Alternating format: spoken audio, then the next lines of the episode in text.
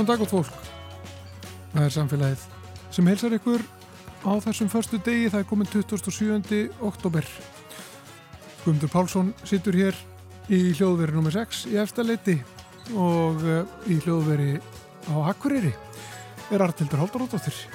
Já, ég veit ekki hvort það er eitthvað númer á því, því hljóðveri, við erum ekki komin svo langt.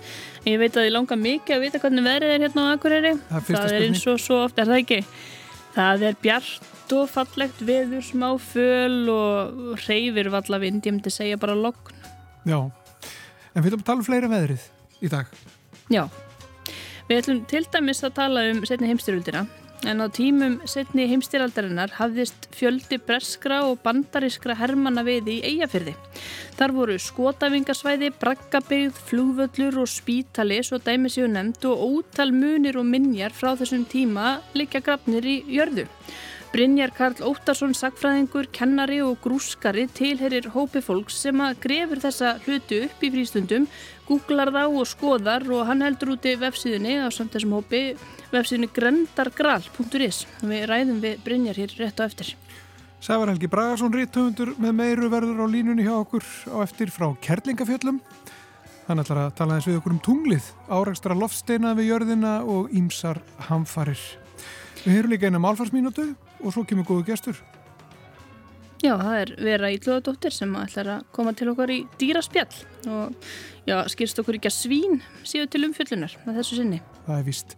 En við byrjum á stríðsminnjum.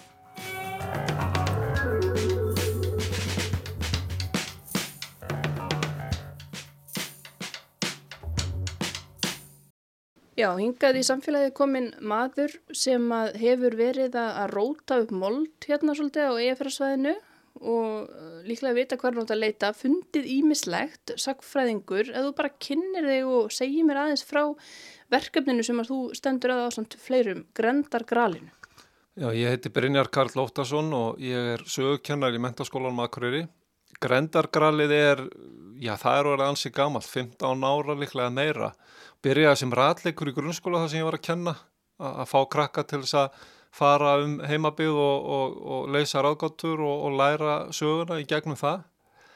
Svo þegar að sá ratleikur, þegar hann kláraðist, sem hétt leitin að Grendargralinu og þá var þetta svona sjálfstofnun, má segja, Grendargralið og það bara, ég er þar undir þeim hatti að, að, að grúska í sögu heimabyðar og það nýjasta er þetta, við, við erum nokkur saman að, að hérna, já, finna slóðir setulismanna hér í eigafyrði og já, róta í moldinu og leita strísminnum.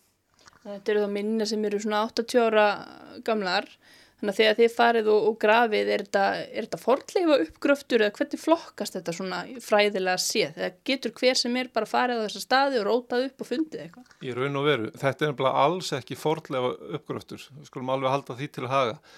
Sko það er þessi 100 ára regla í gildi hér á Íslandi, þannig að, að, að hlutir þurfa að vera orðnir 100 ára til þess að teljast vera fornminjar og þetta nær því ekki, þannig að þetta er bara eins og, já, eins og ég segi stundu hvert annað drasl út í náttúrunni en þá, e, svona í augum flestra líklega en auðvitað ekki allra, en, en þetta er ekki forðlega uppgröftur og, og það má í raun og veru hver sem er róta í, í moldinni þar sem að setuli var með bækistöðar til þess að reyna að finna gripi og það er það sem við erum að gera. En, en við erum náttúrulega samt svolítið í þessu hlutverki forðlega fræðinga má segja. Við erum að grafa og við erum að, að, að reyna að, að bjarga þessum minnjum og, og varðveita þér það, það er svona okkar markmið. Eru þið með afmarka svæði og, og teskeiðar? Já, þetta er svolítið þessi staðalmynd, sko, já, kemur alveg fyrir að við erum með teskjar á Tampustad e, og afmarka svæði og svona við, við reynum að nota ákveðna aðferðu sem að forðlega fræðin notar en enn og aftur þetta við erum ekki forðlega fræðingar, við erum áhuga fólk um varðveislu minja.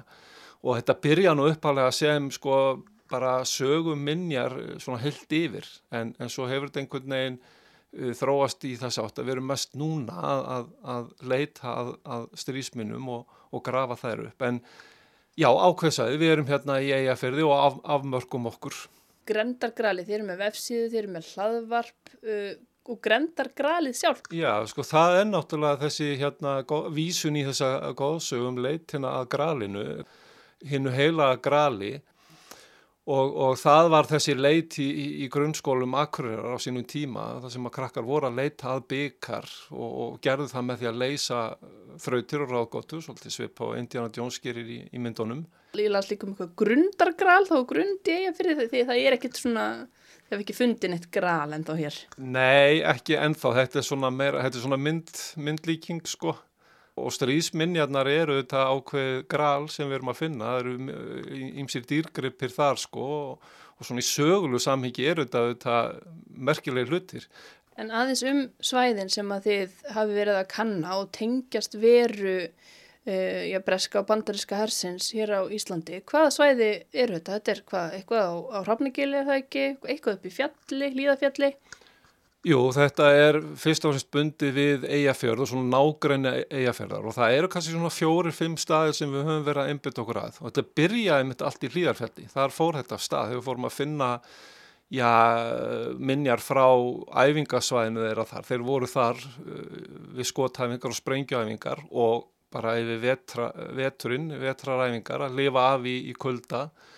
E, þannig að við höfum verið tölvöld mikið þar og svo er það Hrafnagil. Þar var náttúrulega herspítali og, og, og, og stórt svæði og mikil starfsemi og þar er við í raun og veru bara að hefja leik núna í haust þannig að við höfum mikið verk eftir óvinni þar.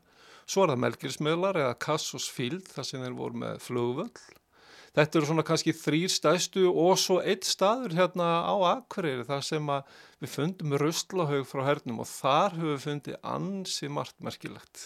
Það hefur kannski ekki farið mikið fyrir þessari sögu nema þú kannski innan, innan hérna, raða sagfræðinga. Er, er þetta eitthvað sem að fólk er yfirleitt meðvitað um hér á, á svæðinu eða er þetta svona svolítið bara að, að kanna nýja slóðir?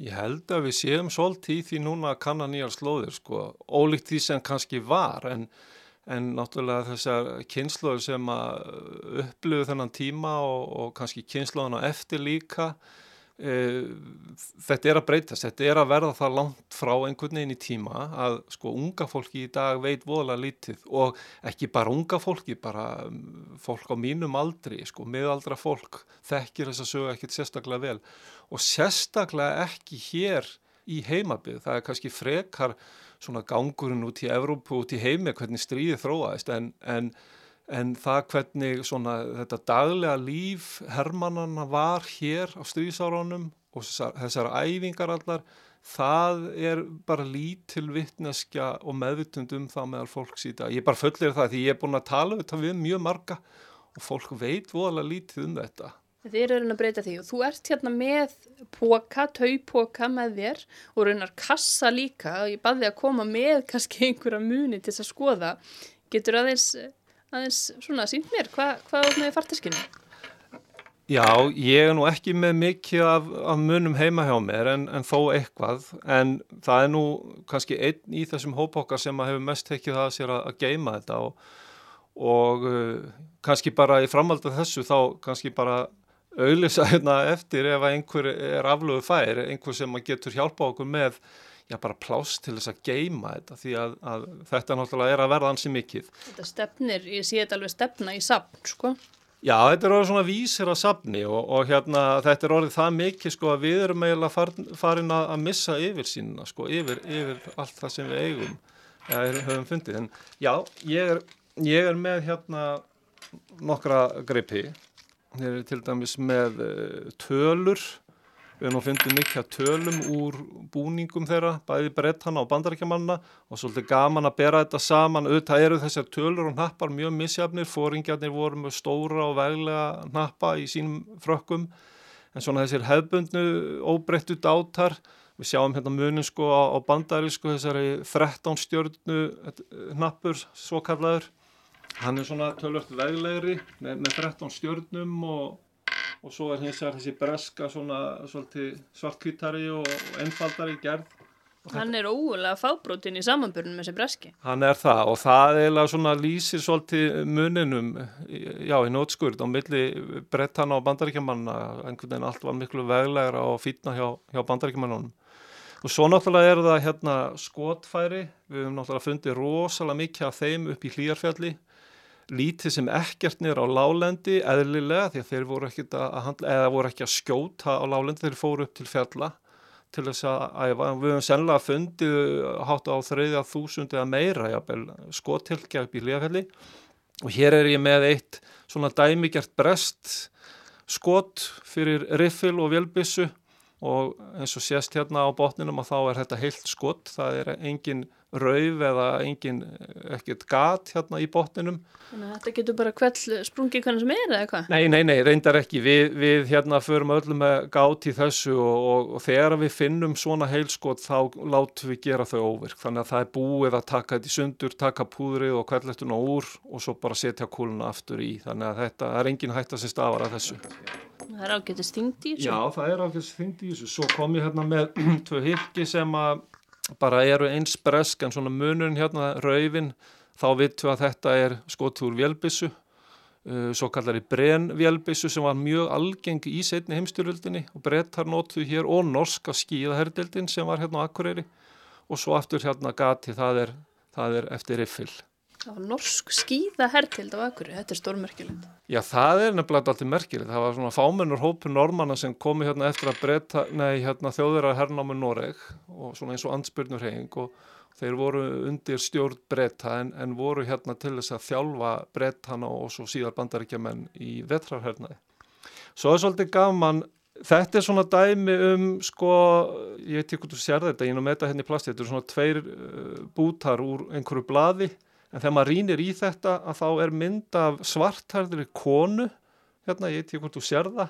Já, svona við fyrstu sín, ég sénur enda ekkert sérstaklega verið, þetta verðist nú bara vera eins og hvert annað haustlöf fyrir mér sko, í, í plastpoka. Já, en, en að við erum nú með ágættis stækun og gler og græur til þess að rína í gripna sem við erum að finna og, og það er alltaf gaman að finna svona viðkvæma gripi sem að maður skildi nú alltaf að væru bara farni sko, þetta er búið að vera í jörðin í 80 ár, en þetta er sem sagt Þetta eru tveir bútar úr svona hasarmyndablaði, svona eins og Spiderman og, og, og þessi hetja, þessi kona hétt Miss Fury og kom út 1941 þannig að þeir hafa verið með svona hasarmyndablöð til að skoða, einhverja kvennhetjur. Og þetta voru þetta náttúrulega bara, þetta voru bara ungi strákar? Það voru ungi strákar, sérstaklega breyttarnir kannski, bara 17-18 ára gamlir og hérna, eitthvað urður að gera sér til gamas, þetta var nú frekar einfalt líf hérna. Hér er ég með bissukúlu úr uh, P39 er að kóbra flugvel John Cassos sem að rapaði á Melgirismjölum 1942 og við höfum nú verið tölvert þar við rannsóknir og uh, fundið eitt og annað sem að tilherði þessum unga flugmanni bandarinska John Cassos og vilni hans og þetta er svona bara sínisvöld ég, þetta er nú allt komið inn á flugminnasafn en ég held eftir þessari kúlu hún lítur svo vel út. Bara eins og ný. Mm -hmm. og hún var þarna bara í, í, í ofan í jörðinni þegar við fundum hana og, og svona, já, bara dæmum vopnabúrvélarinn hans Jón Kassos svo er þetta svona, finnst mér eitt merkilegast í grippurinn sem við höfum fundið. Þetta er eitthvað sem að mjög margir þekkja og tengja við setni heimstyrjöldina og er svona svolítið íkonni eða tákrænt fyrir já, bandaríkja menn til dæmis í bíómyndum og sjónvarsáttum þá er það alltaf með þetta um hálsin þetta er það sem Þetta er svona hálsminn með texti á þessu? Já, þetta er sko þetta gengur nú oftar en ekki bara undir ennskan lafninu dogtag. Flestir þekkja undir því en ég veit ekki hálsmerki kannski á íslensku. Og þetta var, voru þeir með um hálsin hver einasti bandarískur hermaður í, í setni heimstyrlutin hvar sem hann var á statur með, með tvö svona og, og það er mjög sjálfgætt í raun og vera að, að, að finna svona því að þetta er ekki eitthvað sem að menn sko flegðu að ganni sínu. En hér er sem sagt, það er uh, Harold G. Everett sem hefur átt þetta dogtag og hér eru upplýsingar um hann. Það er blóðflokkurinn hans, hann hefur verið sprautað við stífkrampa. Það er merkjans eins og uh, talnarunnan sem allir herrmenn voru með og nánasti ættingjar skráður hann líka á heimilsfangið hans í, í Everett í Massachusetts Þetta er allt bara grafið í þessa litlu málmplötu. Þetta er allt grafið í þessa litlu málmplötu og við sjáum hérna á endanum að það er svona einhver hróði eða eitthvað eins og hafið bránað. Þetta fundum við í Ruslahaug bandariska hersins hér á Akureyri. Þannig að líklega hefur þessi einstaklingur bara kasta þessu, kannski vil bara ánæður að stríðun var lokið og hann var að leiðin heim eða stríðun var nú kannski ekki lokið en ánæður að vera að fara og kannski bara henda þessu í rusli, maður veit það ekki. Ég hafið ekkert reynda, reynda svona kynni ykkur hans æfi og sögu nánar eða? Já sko við eigum það eiginlega svolítið eftir. Við erum eiginlega svolítið nýkomin bara úr þessari rannsóknarvinnu um, um John Cassos og Melgersmjölum. Það var skild fólk hans sem kom hérna til Íslands í, í fyrra. Þannig að þetta er eftir. Það er að grafa upp upplýsingar um þennan mann og, og líklega það koma þessu uh, hálsmerki bara til ættingi hans. Það er svona svolítið það sem að menn gera þegar þetta finnst. Það er að, skila þessu tilbaka. Mjög lifandi saga. Muna þessi það... maður á að, að, að hérna, nána eittingi á lífi mögulega Já, það er alveg, alveg hugsanlegt. Ég, það eina sem ég er búin að kanna það er að ég fletti upp þessu heimilsfangja því að það eru svo nákvæmar upplýsingar um sagt, heimilsfang aðstandandans og ég gætt fundið á Google Earth nákvæmlega húsið og sé mynda því sem að hann, hann bjó í. Það er svona, sko, við hugsaum bara hvernig þið farið að við þessar rannsóknir, eru þið sko ber alltaf vel í veiði finnið þið alltaf eitthvað þegar þið farið út á vettvang eða, eða er þetta sem þú ætti að sína með núna afrakstur ótal ferða þar sem að þið kannski stundum finnið ekki neitt oft í rauð? Nei, það er bara nánast aldrei þannig að við finnum ekki neitt. Það er bara svo merkjöld með það að það er, stuttasvari er bara já, við finnum alltaf í hverjum einasta leiðangri eitthvað og uh, auðvitað sko helgast það að því að við, við erum þá búin að finna ákveðin stað og, og oft eru þetta ruslahaugar hersins þar sem er náttúrulega mjög mikið af dóti sem er rusli þeirra um á þessum tíma en eru bara söguminjar minjar í dag en þetta, það sem ég með hérna eru, eru greipil sem við hefum verið að finna kannski síðustu 2-3 ár og svo þegar þið eru búin að finna þetta þá faraðu bara á netið og googlið og eru vettala með einhverja svona gagnagrunna eða einhverja síður sem að hjálpa ykkur að bera kennsla á hvað þið fundu. Já, það er akkurat svolítið það sem við erum að gera líka og það er svolítið vetravinnan hjá okkur þegar við erum ekki á vettangi þá förum við bara fyrir fram á tölvuna og, og googlum. Netið er náttúrulega bara stærsta rannsóknarstofa í heimi og þar er nánast allt. Þannig að hérna við náum nú yfirleitt að greina þessa greipi, svo eigum við ansi góða að líka fólk sem hefur stúderað þetta svona í laumi áratöfum saman. Grúskarar. Grúskarar, þó að við séum svona að já, auðlisa hvað við erum að gera þá eru alls ekkert allir sem að vilja það, þeir hafa áhugað þessu og eru að gera þetta í laumi og hérna við leitum til þeirra þannig að það er svona ákveðin ákveðin hjálp í því Hvernig er sem sagfræðingur að standa í þessu og vera svona bara að já, uppgöta hluti sem hafa ekki verið uppgötaðir áður og sögur fólks í kringum þá og, og einmitt með þetta internet, þessar stóru rannsóknarstofu sem er einn gullnum af, af upplýsingum. Hvernig er þessi tilfinning? Bara indisleg. Þetta er það sem ég elska. Þarna, þarna, það er akkurat þetta sem að mér finnst svo skemmtilegt við söguna og sagfræðina að það er að, að glæðana lífi. Ég er búin að kenna núna í um það byrju 20 ár og kent sögu og bæði á, í grunnskóla og framhaldsskóla og mér finnst þetta svo sorglegt hvað einhvern mann nær ítla mótivera nefnendur uh, í sögunni því að ég er sannfarður um það að þetta er eitthvað sem að mjög mörgum allavega finnst áhugavert að það er bara matræðið á réttanhátt og þegar þetta er alltaf í gegnum bækur eða, eða einhverja síður á, á netinu eða myndir í sjónvarpi eða hvað sem það er þá einhvern veginn skilar það ekki alveg nóg miklu árangri en, en þetta, þetta glæðir þetta lífi, þess að sögur fá líf og ég er einmitt að nota þessa greipi og þetta sem við erum að gera óspart í, í kjænslunni. Ferðu með nefnundur á, á þessa staði líka? Ég er aðeins byrjar að gera það. Ég fór með hóp núna í, í haust upp í Hlýjarfjall á slóðir norsku skíðaherdeldarinnar og það var bara alveg endislegt og, og, og mikill áhugi og og ég ætla bara að endur taka leikin og er að fara með ferðarfélaginu líka á næsta ári á, á Melgirismjöla og slóðu John Cassus.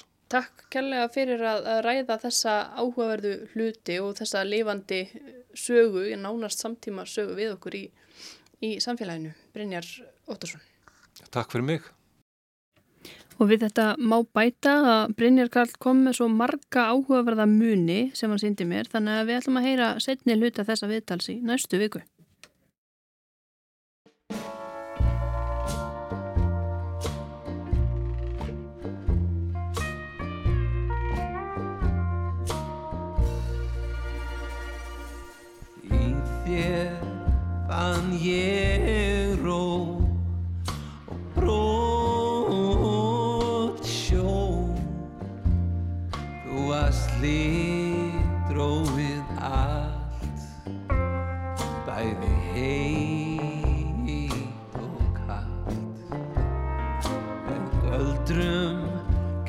goodbye.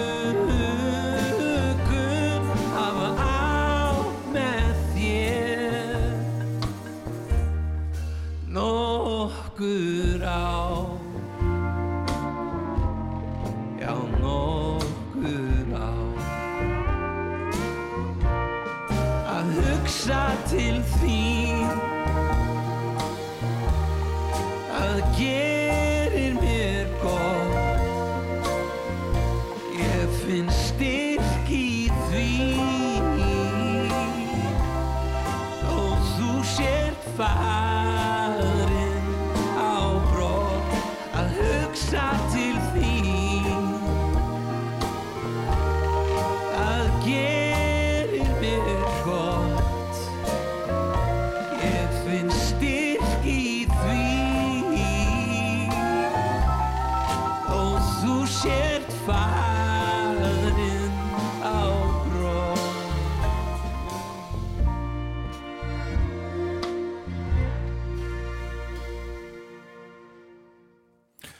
Var Múkisson og lag sem heitir Hugsa til þín. Þetta er lag af uh, nýri plötu frá honum. Að mía, heitir platan. Og þá erum við komin í samband við Sævar Helga Bragason sem að uh, ég veit ekki hvað títil ég á að setja á Sævar Helga Bragason. Veistu það sjálfur Sævar? Um, ekki beinlýnis, rítöfundur, dagskrafgerðamaður, vísindamiðlari, kennari, eitthvað svo leiðist bara. Já. Er þetta ekki líka, uh, er ekki eitthvað jarfræðingur hann eitthvað staðar?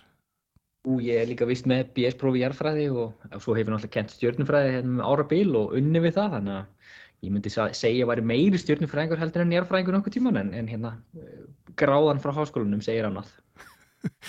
Einmitt. Uh, nú ertu búin að kynna þig. Þú er stattur upp á Hálendi eða hvað? Já, ég er stattur í Kerlingafjöllum í alveg dásamlegu veðri hérna á Hálendi Íslands og er þar að reyna að kenna fólki að nota sjónauka til þess að glápa til heimins frá einum besta stað landsins til þess og vonandi bara viðra vel í kvöld þannig að það lukkist allt saman vel. Já. Uh, og er það mikil kunst að, læra það? Mm, Já, þetta er svona svolítið svona eins og að læra hljóðfæri að mörgu leiti nema bara auðveldara myndi ég segja. Uh, maður þarf nefnilega ekki jafn mikið hafa fyrir því. Uh, maður þarf fyrst og fremst að læra hans á heiminin og svo bara beina sjónungum til heimins og prófa, prófa sig áfram. Þannig að maður þarf svona aðeins að vita hvað maður er að horfa á fyrst og síðast. Já. Og svo þekking, hún, uh, hún uh, er til staðar í, já, maður getur nú fletti bara upp, hvað, hvað er það ekki? Og svo eru upp og, og alls konar. Og er þetta að tengja sjónugana við upp og ýmislegt? Ég heldur betur, það er hægt að auðvelda sér lífi mjög, eh, svona undanfærin ár hefur það verið hægt með tekníingum og, og svona, en það kemur samt eiginlega ekkert í stað þess að þekka hans eh, inn á heiminni, bara. Hvað sést hverju sinni, hvað er áhugavert að skoða, hvað er auðvelt að skoða, hvað hendar að skoða þegar tunglið er til dæmis á lofti og þegar það er ekki á lofti, þannig að það er svona eitt og annað sem maður þarf að hafa í huga þegar maður er að sína bæði öðrum stjórnunar og, og skoða sjálfur, þannig að það er svona, þetta er, þetta er aðeins flóknir en að segja það. Mm En við vitum nú uh, blessunlega flest hvar tunglið er, það fer nú ekki mellum mála. Já, akkurat. Maður skildi ætla að það voru auðvitað að finna það. Það er nefnilega merkilega erfitt ofta að finna tunglið í gegnum sjónunga því sjónungarnir hafa svo þröngt sjónsvið og stækkun er oftast það mikil að það getur verið svona pínusnúið að finna tunglið á heimlinum þar sé að miða rétt á það. En það kemur bara með æfingunni og svo náttúrulega eru plánutur á lofti líka núna, Júpiter og Saturnus og það er gott að vita hver þær eru og ef að fólk á sjónunga heima við þá mæli ég heilsuga með því að það beini sjónunga að þessum tveimur plánutum. Ef þú skoða til dæmis Júpiter í sjónunga þá blasa við skíabeltin og svo allavega fjögur tungl sem eru þá Galileo tungli sem að Galileo fann fyrir rétt rúmlega 400 árum síðan. Og svo Saturnusi þá er hægt að sjá hringan alveg leiknandi með þess að bara með litlum sjónungum Þannig að það er mjög margt að sjá með einföldum búnaði og það þarf ekkert að hafa mikið fyrir því að læra á það og mm. það kemur bara með áhuga. Já, og tunglið fullt á morgun, ekki sett? Jú, tunglið fullt núna á lögataskvöldið, 28. oktober og þá vil líka svo skemmtilega til að það mun rétt snerta skuggan sem plánundun okkar, jörðin, varpar út í geiminn.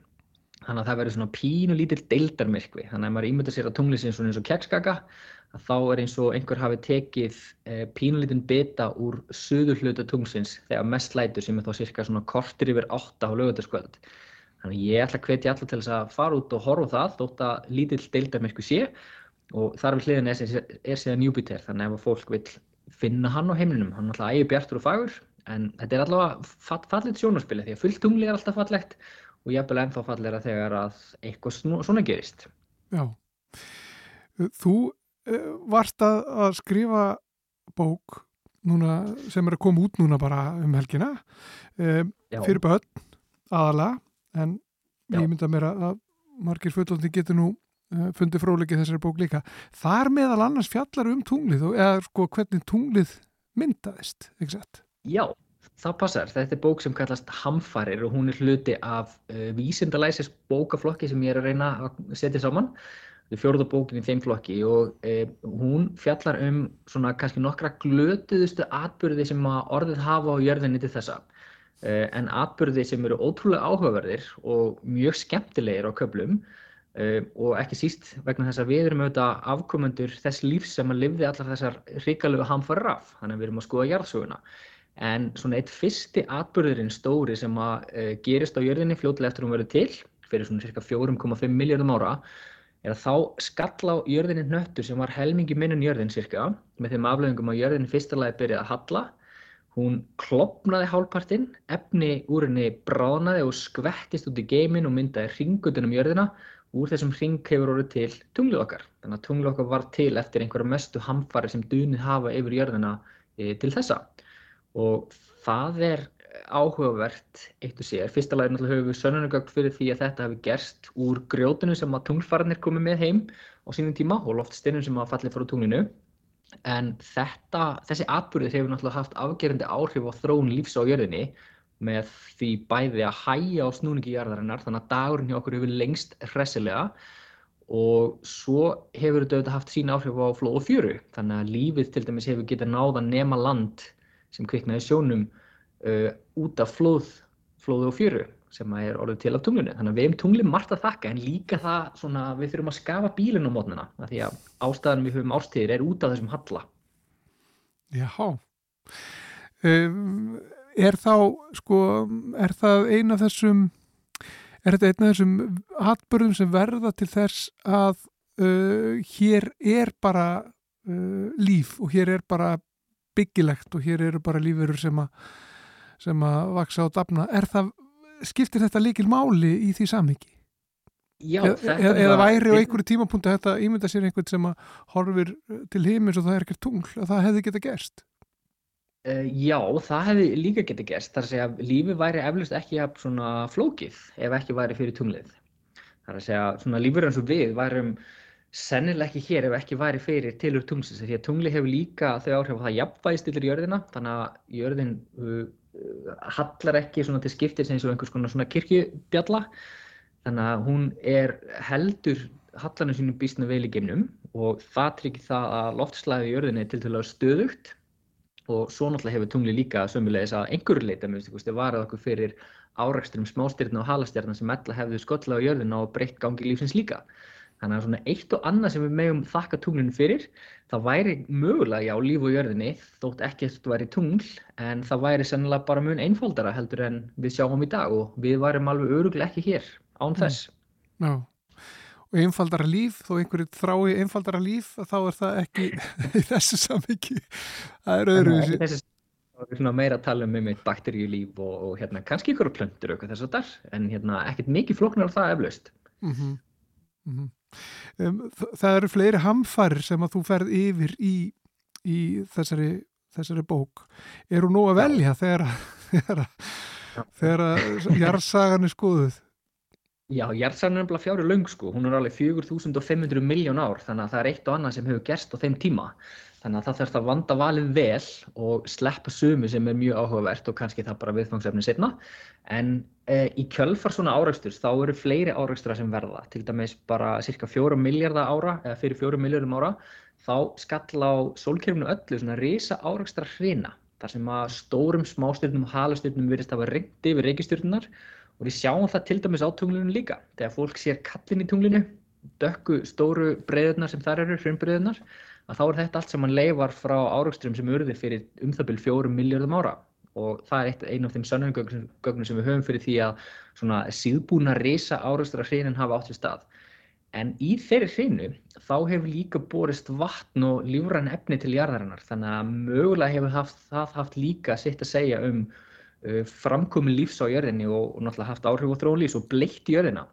Þannig að þegar við drekkum vatn og allt það að þá erum við alveg öruglega að drekka vatn sem barst úr geimnum með halastyrnum og smástyrnum á þessum tíma snemma í sögu jarðarinnar. Því að svo náttúrulega slótar regninu og þá færist hægt, svona hægagangur yfir jörðina, róleri tíð og þá fyrst kvikna aðstæðar almennilega fyrir líf að kvikna á jörðinni. Þannig að þróunasagan okkar er helst bara í hendur við þróunasögu sólkerfisins og svo heldur þetta bara áfram. Þegar lífið kviknar þá er það náttúrulega einfalt í fyrsta lagi. Það er allt önnur efni í andrumsloftinu okkar e, þá heldur við núna að því að andrumsloftið sem við öndum að okkur eru þetta afurði lífsins og fyrir 2,5 miljardum ára þá eru aðrar hamfarir sem skella á sem að kallast súrefnisatburðurinn mikli og það gerðist þegar að blábakterjur, þörungar í hafinu fundur leið til þess að beisla orku sólar og koldioxid á efni úr hafinu og framleiða í staðinn súrefni. Þannig að uh, úrgangur þessara bakterja hægt og rólega myndaði súrefni í andrumsloftinu okkar sem síðan gerir þá flóknarlífi kleift að kvikna. Þannig að við erum afur þessa stærsta mengun og sliss innan gesalappa í sögu jarðarinnar. og, og þetta gerist náttúrulega allt á mjög löngu tíma. Já, Já, frá, sko, er- ef, við, ef við miðum okkur sjálf að mista kosti. Já, já, já, akkurat. Það er flest allar hamfari sem hafa orðið á jörðinni gegnum tíðina hafa átt sér staði við mjög langan tíma og þá eru að tala um uh, 20.000 eða 100.000 ára yfirleitt þar sem að afleiðingana gætir og miljónir ára í sumum tilvíkum. En sumir atbyrði gerast kannski hraðar og eitt besta dæmi um það eru þetta áraksturinn sem að útrýmdi uh, 75% af öllu líf á jörðinni og þar á meðal næstum því öllum risaðalunum.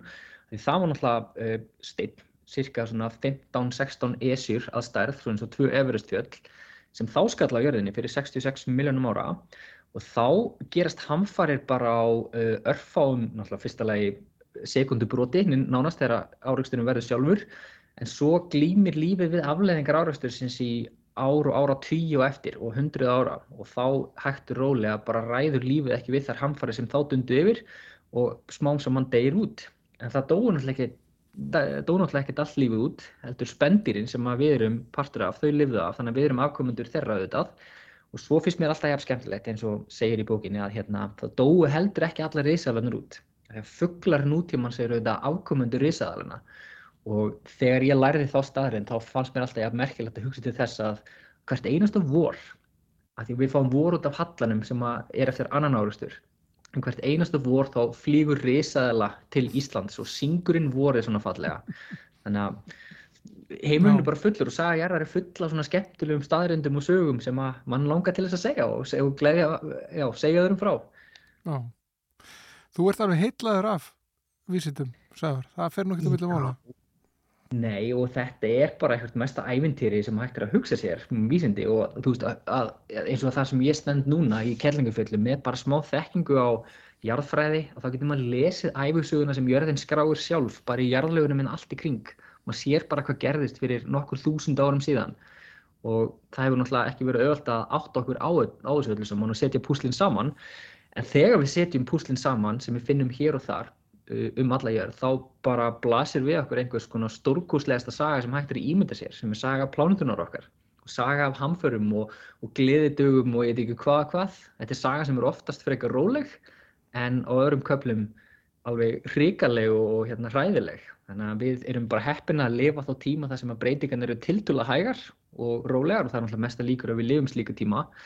En þá kannski komum við að öldinu okkar og öldin okkar sem við erum á núna þá erum við að sjá breytingar eiga sér stað í náttúrunni sem að eru bara eitthvað í líkingu við það sem við sjáum í mestu hamförum sem dunni hafi yfir jörðina.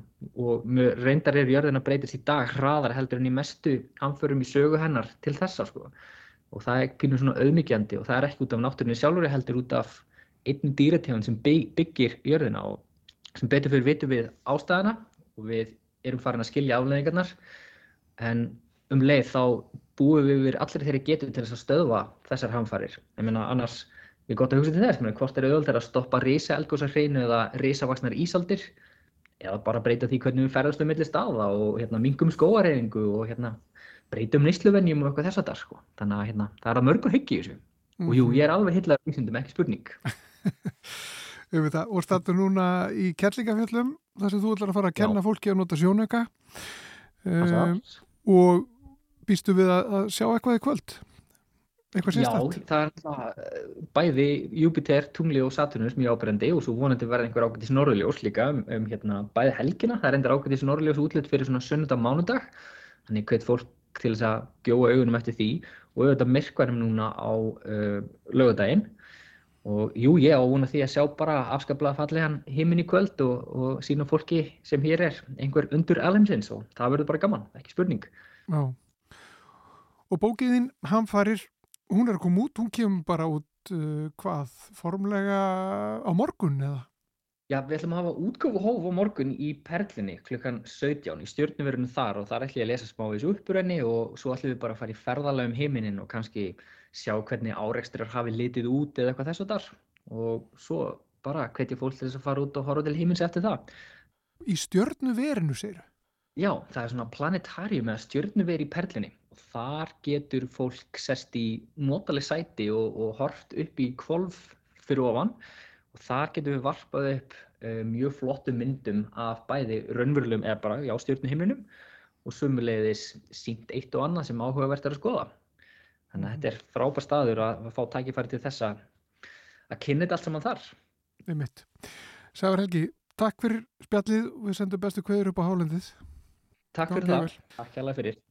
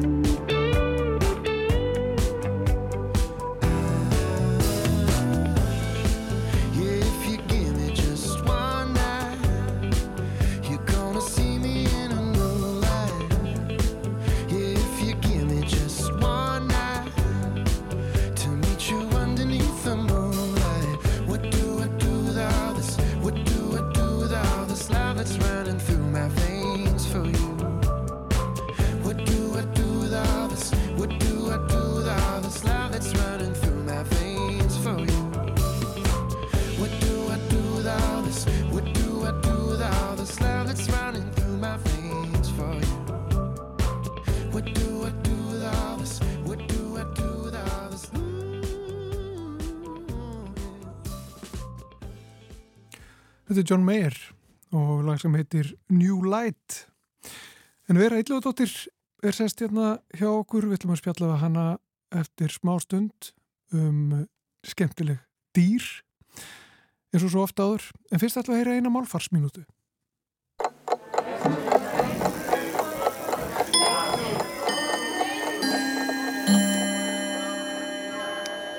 Þegar tvö orð hafa líkan hljóm og svipaða merkingu vil henda að annað orði taki yfir nótkunnarsvið hins.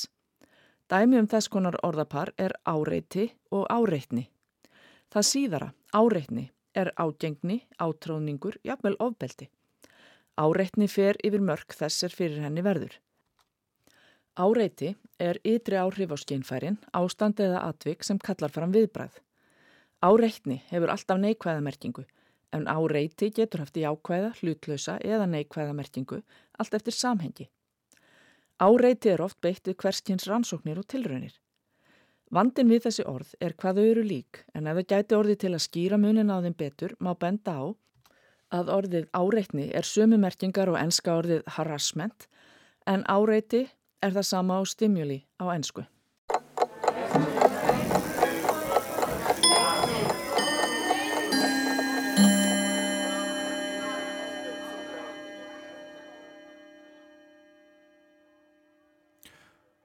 Það var Anna Sigriður Þráinsdóttir sem að sá um málfarsmínútuna. Og nú er hún sest hjá okkur vera Eilóðdóttir og uh, með fartölvuna sína tilbúin í dýraspjallið. Og þú sagði mér að við ætlum að tala um svín. Já, mér uh, má til með að uh, reyna að reyfa hérna eina frett sem að vakið hefur aðtökli mína og ímissa annara síðustu daga, frettin af uh, svínunum og golfvellinum.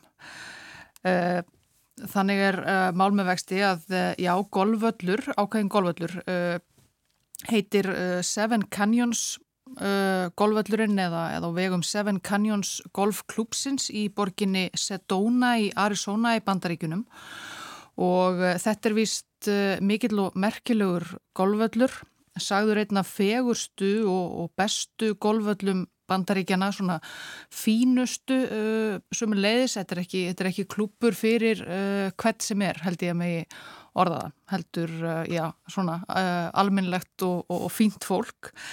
En þessi völlur hefur uh, mátt muna sinn fývilfegur í undanfarna daga og vikur vegna þess að villisvín hafa farið að venja komur sínar á golvöllin og hreinlega held ég megi segja ganga bersesgang á vellinum og það hafa verið sem sé byrtar óurlegar myndir af, af eigðileggingu á golvvellinum á samfélagsmiðlum. Já. Svínin eru búin að rýfa upp gras og, og, og jarðveg. Þetta eru sláandi myndir. Þetta eru sláandi myndir sem, a, sem að finna má á, á samfélagsmiðlum sem að golfvallarverðir hafa verið að byrta. Nú þessi svín, uh, þetta eru villi svín. Uh, í raun og veru ekki þau svín sem, a, sem að við uh, þekkjum hér í, í, í Evrópu. Þetta eru kölluð á íslensku pekkari svín, heita á ennsku djavelína stundum líka kalluð skunksvín og þetta eru sem sé önnur tegund en þessi svona gömluheims svín uppbrunnin í uh, Norður Ameríku og ná skild okkar, okkar svínum en ekki, ekki sama eiginlega tegund. Uh, það voru til dæmis frumbyggjar, uh, frumbyggjar í Ameríku álfum, mæjar og fleiri sem að, sem að heldum þessum svínum í á svona svipaðan hátt og, og við gerum með, með svín í dagræktuðu til matar og svo framvegs og síðan eru þau að finna vilt bæði í, í, í Suður og, og Mið-Ameríku og svona suðvestanverðum uh, bandaríkunum og, og þar á meðal í Arizona. Þetta eru sérst, sérstakar uh, skeppnur svona um, sérst greinilega þetta eru svín en svona finleg svín kannski má, má segja pekkar í svínin. Já, það er uh, svona daldið svona minna kannski á brottgelti eða svona já, já, þau eru svona já, fínleg og, og, og, en geta sem sé þau sem sagt uh, lifa saman í svona litlum hópum, litlum hjörðum og eh, nærast sérstaklega á, á, á kaktusum en líka á eh, öðrum gróðri og grafa síðan eh, í jörðina eftir, eftir rótum og öðru sem þar er að finna. Og virðast hafa ákveðið að flytja sig yfir á þennan golvöld, það er talað um að, um, um að þetta séu allavega nokkur hundru skeppnur sem hafa verið að venja komur sínar á, á golvöldin og leggja hann bara svona undir sig og hafa grafið upp þarna mikið af, af grasinu. Og eh, valdið miklum, miklum skemmtum og þetta hefur verið Já, til umræðu í bandaríkunum síðustu daga má eiginlega, segja, golvallarverðirnir, þeir hafa reynd ímislegt til þess að losa sig við uh, þessar skeppnur og fæla þeir einhvern veginn burt. Uh, myndust á það í einni grein að svipa vandamál, einhver, einhver svín hefðu, hefðu slísast uh, inn á völlin fyrir fimm árum síðan og þá hefðu golvallarverðum dottið í hug að, að taka hland úr sléttu úlfum og dreifa yfir grasið.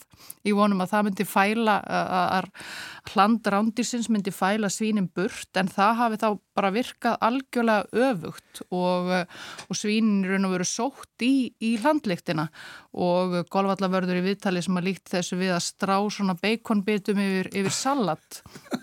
Þannig að núna uh, eru þeir að leita annara lausna og það hefur verið rætt um það hvort það þurfu að girða völlin af með ramagsgirðingu eða, eða eitthvað. En annað sem þeir eru að, eru að prófa og eru að gera prófanir með núna bara held ég það ég hef ekki séð hvort það eru komna einar nýðurstöður úr, úr þessu er að, er að uh, taka uh, mjög bræðsterka chiliolju sem þeir fá á, á það eru þetta veitingahús tengt þessum golvelli og eh, dreifa því einhvern veginn yfir grasið eh, og það muni mögulega fæla svínin burt en þetta er eh, vanda verka því að það má auðvitað ekki, ólíjan má ekki vera of, of, of mikil eða of, of sterk til þess, að, til þess að skada grasið og svo framvegis þannig að þetta er, þetta er mikið vandamálum við fáum örgulega fréttir af því á næstu dögum hvort að, hvort að þessi chili ólju aðferð ber einhvern árangur.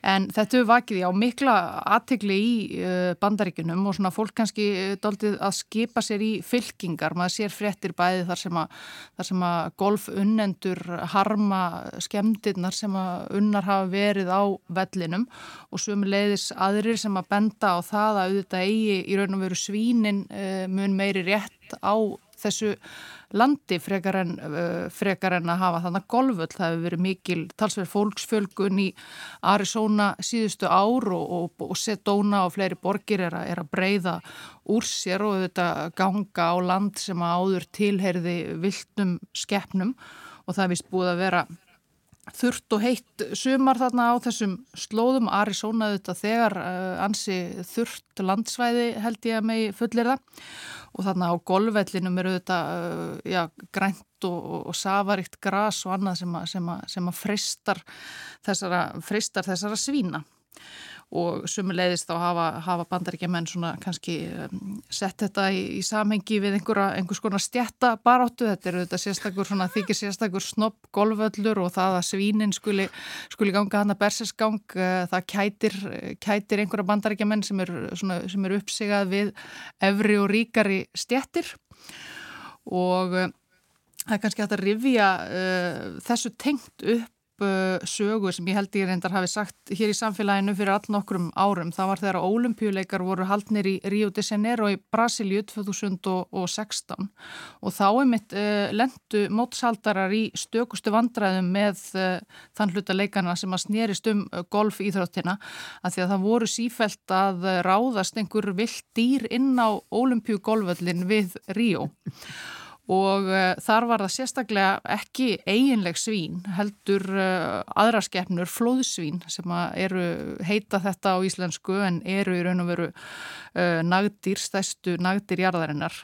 og búa víða í, í Brasilíu. Og flóðsvín voru fljóta að í raun og veru leggja þennan golvöll undir sig í, í aðdraganda ólimpjuleika og, og golvallaverðir í Ríu áttu einmitt í stökustu vandraðum sem er leiðis með því að, með því að við að að koma þessum flóðsvinum burt. Ég held á endanum hafi það tekist með einhverjum leiðum, ég veit ekki hvort er notuð chiliolíu eða, eða aðrar aðferðir og, og, og golfið á olimpíuleikunum gengið svona mestu klakk og, og flóðsynalust fyrir sig en, en þetta var, þetta vakti líka sumulegis aðtegli og, og virðist sem að svona einhverjum ákveðnum dýrategundum kannski sé, sé uppsigað við golfíþróttina. Já, það sé það sem að málist nýst í. Já, það gæti verið. Ég veit að, að einhverjir hatursmenn golfíþróttar í, í bandaríkinum hafa strax tekið þessi pekkar í svín í Arizona sem, sem sérstakar fyrirmyndir og gott ef ekki byrjað að selja bóli með ásjónu þeirra og, og svo framvegis þannig að það er, þannig að, eh, það er einhverjir sem að, sem að kætast yfir þessu en þetta eru þetta vandamál sem að, sem að við erum alltaf, alltaf að sjá núna þegar að svona borgir er að færast út og, og, og mennir að leggja undir sig meir og meira af, af landsvæði dýrana mm.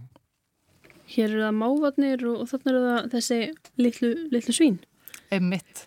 Þetta er, þetta er uh, mikið vandamál og, og, og við verðum held ég á endanum að finna til einhverja leiða til þess að búa í, í sátt og samlendi við, við uh, skefnurnar svo ekki komið til svona harkalega aðgerða eins og, eins og, eins og svín og, og flóðsvín ráðist inn á golvellin okkar. En er engin leið að það geti orðið raunin þarna úti? Er þetta ekkit hættulega skeppnur þessi, þessi litlu svín eins og oft talaðum að villisvín, maður vil ekki drekast á þau? En þessi eru kannski Nei, ég held að það hefur nú allavega ekki farið neinum sögum af því að það hafi ekki verið neinir svona árekstrar enn sem, en sem komið er allavega. En, en það eru þetta svona frekar já það eru smágerðsvín og, og, og ekki mikið fyrir slagsmál held ég. En, en það hefur ólíklegustu lutir geta, geta gerst. Það var, það var annað atvik sem var í fréttum í fyrra þá líka af, af, af flóðsvínum. Það voru flóðsvín sem voru sögð það var lagt undir sig uh, hverfi í, Buenos Aires, svona lokað uh, hverfi ríkafólksins í Buenos Aires, þar sem, að, þar sem allt í enu fylltist alltaf mörg hundruð flóðsvínum sem að fóru að planta sér í görðum og, og, og naga runna og, og hvaðina og þetta ríka fólki mjög ónægt með það og kannski ekki sísta að það fór að koma svona til áreikstra á milli, milli flóðsvínana og, og, og hunda uh, fólksins sem að, sem að þarna bjó átti, átti marg fína hreinrækta litla uh, punthunda einhverja sem að, sem að lendu stundum illa úti í áreikstri við, við flóðsvín. Já, er sko þau ráð sem er hægt að grýpa til, þú nefndir þarna chili oljuna sem er vantalega þá bara einhver tilraun, einhverju viðleikni til að reyna að stemma stegið við þessu. Og svo eru náttúrulegu óvinninnir sem er hægt að svona, já stundum er spilið ykkur hljóð og eitthvað svona til þess að fæla, fæla dýr frá Já, það, það er nú na, áhugaverð þessi, þessi tilíolíu tilrauna því að það er mitt eh, nefnda að eh, svona Arizona kannski og, og, og sunnanverð bandaríkin þekkt fyrir, þekkt fyrir uh, sterka matselt og auðvitað ættu svínunum kannski bara að, taka því fagnandi að verið sé að, verið sé að, að bræðbæta ræturnar og, og jörturnar sem þeir eru að sækjast eftir með þessari, þessari ólíu og við vitum auðvitað ekki enþá hvort að þetta ber einhvern árangur. Greinilega uh, hræðast svínin ekki hland sléttúlsins en spurning hvort að það eigi eftir að reyna að emitta að spila einhver hljóð eða bara, eða bara hreinlega að fá, fá íllviga hunda til þess, að, til þess að standa vörðum golvarana. Já, emitta. Verið eitthvað á þér. Hvað segir þú, Hartildur? Það er bara sléttúlvana sjálfa, fá þá bara á staðin. Það er kannski meira vesan. Það er kannski meira hætta fyrir golvarana sjálfa. Gæti enda ílla. Já. Veitum það, við erum eitthvað þér kæra þakki fyrir komuna í, í samfélagið, gaman að fá því heimsó eins og alltaf. En uh, þetta fer nú að, að klárast hjá okkur í dag. Uh, samfélagið, það er komið Já, að og þessa vikuna. Og þessa vikuna. Arnildur, þú ert fyrir Norðan. Já. Og uh, verð aftur sunnan heiða á, á mánudaginn. Já. þá eru komin vetur, það er fyrsti vetradagar á morgun. Það er nefnilega það. Og það er ekkert að bæti vindin eitt annað fyrir Norðan og loknið tala við á hann? Ég hef nú ekki skoðað spánað einhverju þaula en, en það er ekki núna sko, það er ennþá bara ólega fínt veður hér. Já, við trúum eins og svo oft, svo ég monti mig. Já, þú það alveg. En samfélagi verður ekki lengra þessa vikuna Guðmundur og Arnildur þakka fyrir sig, við heyrjumst á mándaginn Verið sæl